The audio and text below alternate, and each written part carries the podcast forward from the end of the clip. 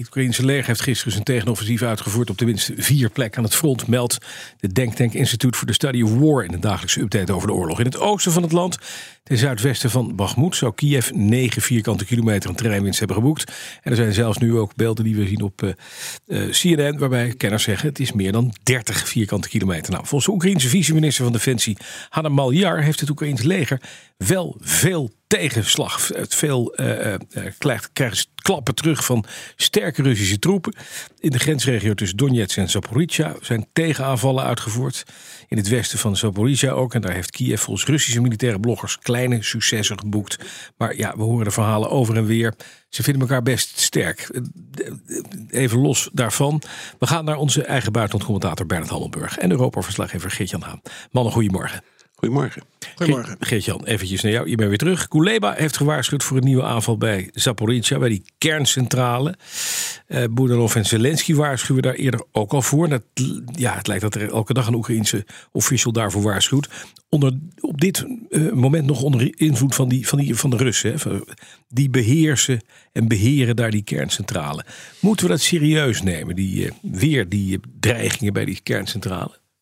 Dat is wel wat uh, Kiev ons wil laten weten. Ja. Uh, ze waarschuwen voor een uh, onwaarschijnlijke ramp, zoals de damdoorbraak bij Nova Kachovka van een paar weken geleden. Expect the unexpected. Dat mm -hmm. is het Oekraïense perspectief. En ze zeggen dus: grijp nu al in, ja. Westen. Um, Desnoods, dat zeggen ze nu niet, maar dat hebben ze eerder in deze oorlog wel gezegd, met boots on the ground. Want straks is het te laat als Rusland, bewust of onbewust, want het kan ook door nalatigheid, een kernramp zou veroorzaken. Nou, zover is het niet. En nogmaals, dit is het Kiev-perspectief. Hmm. Maar om toch even erbij aan te tekenen wat er allemaal bij die kerncentrale nu gebeurt. Er is nu weer een. Um, een stroomkabel op de kerncentrale bij Zaporizhia aangesloten. Dat is goed nieuws, want het zorgt in een fragiele situatie voor iets meer stabiliteit.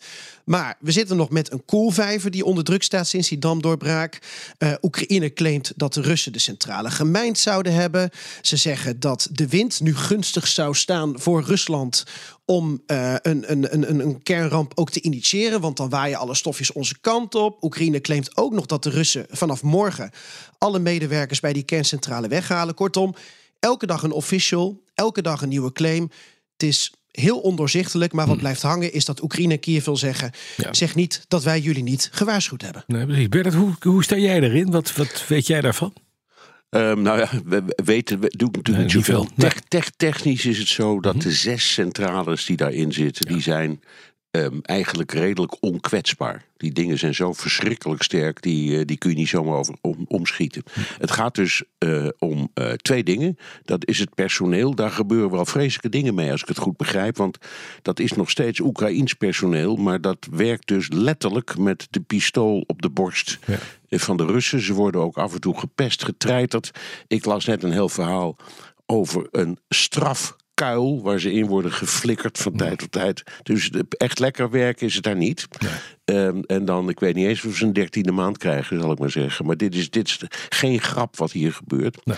Maar we moeten toch uitgaan op de signalen van het internationale atoomagentschap. Dat onderschrijft het gevaar. Dat zegt het blijft doodeng. Maar zolang Um, die de koeling maar in orde blijft. En dat, dat is, daar, daarvoor is bijvoorbeeld die elektrische kabel zo belangrijk. Ja, het ja. gaat om de koeling van die uh, zes centrales. Dan is er geen acuut gevaar. En uh, nou, daar, daar vaar ik dan maar een beetje op. Ja. De New York Times die schreef uh, net um, in, een, in een bericht. Je moet je het veel, een beetje. De, de, de, die hadden de mensen in de omgeving geïnterviewd. En die hebben zo langzaam iets van. Ja, we horen zoveel in dit, in dit drama. We trekken ons er maar niks meer van aan. Nee. En dat te midden, schrijft de New York Times, van een fabriek waar uh, uh, duidelijk een, uh, een schietschijf op is geplakt. Nou, dat vond ik een mooi beeld. Zo ziet het ongeveer uit. Precies, het is een ja. schietschijf van een aantal kilometers uh, groot ook. Maar ja. nu, hè, wat, wat, wat, wat moet je daar nou mee? Uh, Geert-Jan, want alle medewerkers zijn opgeroepen om die centrale te verlaten. Hoe, hoe, voor morgen, voor 5 juli, waarom? Is dat leegruim omdat de Russen zeggen: kijk eens, het wordt toch straks platgeschoten. Er staat een grote, grote roos op. Nou, de claim van de Oekraïne is dat uh, als de Russen uh, al hun eigen uh, connecties daar weg zouden halen. Ehm, dat alleen uh, een paar Oekraïense medewerkers zouden overblijven. En dat als er dan iets zou gebeuren met die kerncentrale, dat dat dus kan worden aangerekend of toegerekend aan die Oekraïense medewerkers. Kortom, dan is het de schuld van de Oekraïne dat het is misgegaan bij die centrale. Ja. En zo is het een, een continu jij pakken. En ongelooflijk ondoorzichtig. En het enige wat, wat ik dan af en toe check is dat ik, zoals gisteren, um, navraag doe bij uh, Oekraïense energiedeskundigen. Van goh, is het goed nieuws dat er weer een kabel aan ligt? Ja, dat is heel goed nieuws. Want het is super fragiel. En het zorgt voor een klein beetje meer stabiliteit in deze enorm ingewikkelde situatie. En ja, aan die kabel moet je je dan maar bijna letterlijk vasthouden. Ja, ja duidelijk. Die zorgt dan voor koeling. Maar Bernard, is iets ook iets wat, wat de Russen kunnen gebruiken als een, als een, als een, als een drukmiddel, als een onderhandelingsmiddel richting Oekraïne? Dat zal, kijk, dat Zaporizhia is natuurlijk ook een regio. En die regio maakt deel uit van de oorlog. Hè, dus dat moet je niet vergeten. Die, wat dat betreft ligt die uh, centrale, als het ware, een beetje ongelukkig midden in zo'n strijdgebied.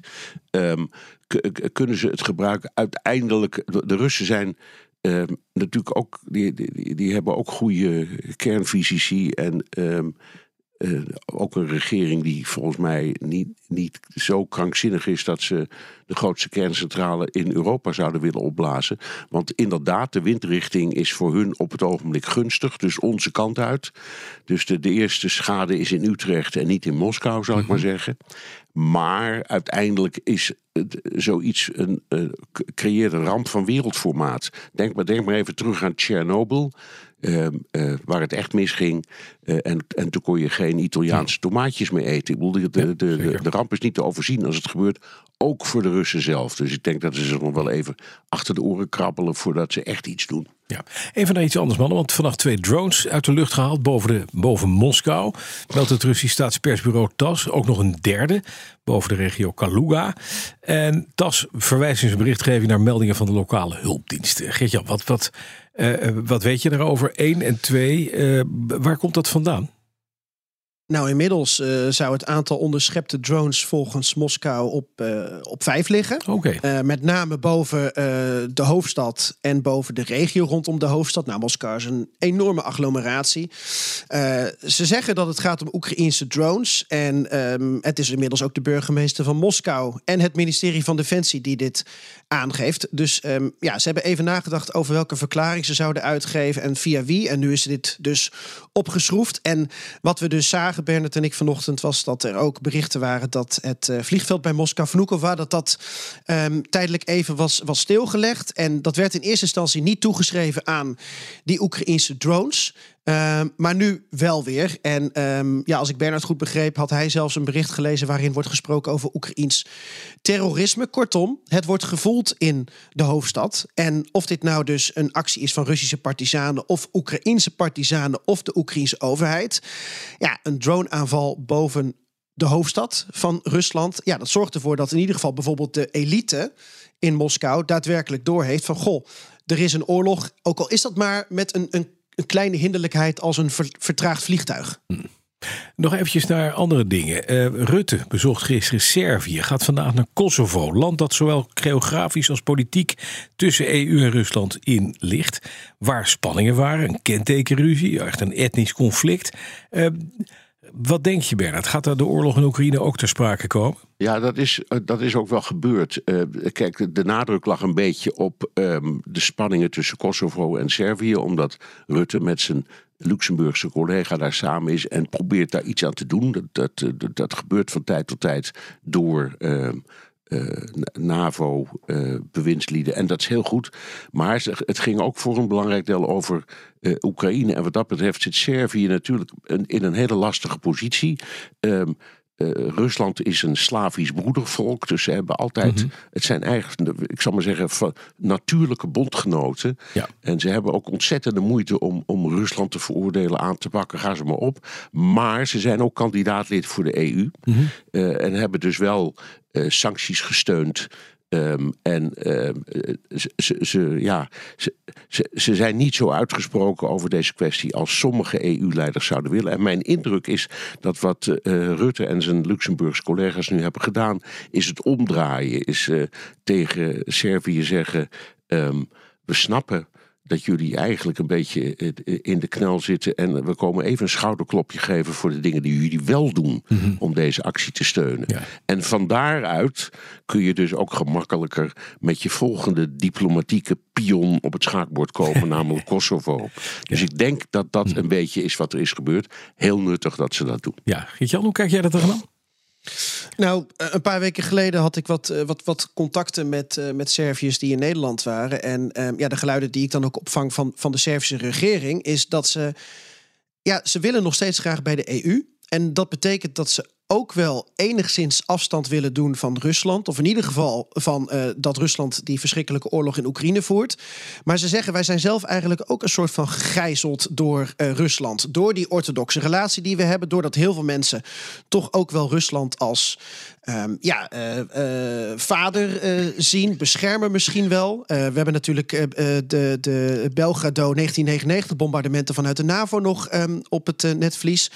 Dus die relatie is niet zomaar door te snijden. Maar Servië zegt wel, ja, we willen liever bij de EU dan dat we bijvoorbeeld niet ook eh, sancties richting Rusland afkondigen. Alleen we weten niet altijd hoe. Wij worden ook een beetje vastgegrepen door die Russische oligarchen. En ik Ja. denk dat inderdaad wat, wat Bernard schetst, dat Rutte en, en Betel van Luxemburg dat, eh, ja, dat, dat, dat weer op een, een oliemannetjesachtige manier aanpakken. Ja. Beetje masseren, niet te veel veroordelen. En eh, nou, we zien wel hoe het loopt. Bij BNR ben je altijd als eerste op de hoogte van het laatste nieuws. Luister dagelijks live via internet. Jelle Maasbach. Wesley Weert. We zijn er voor je met het leukste, opvallendste, maar natuurlijk ook het belangrijkste nieuws. Tijdens de presentatie van die halfjaarcijfers toen die beurskoers in elkaar kukkelde. BNR Beurs. Voor de slimme belegger. Blijf scherp en mis niets.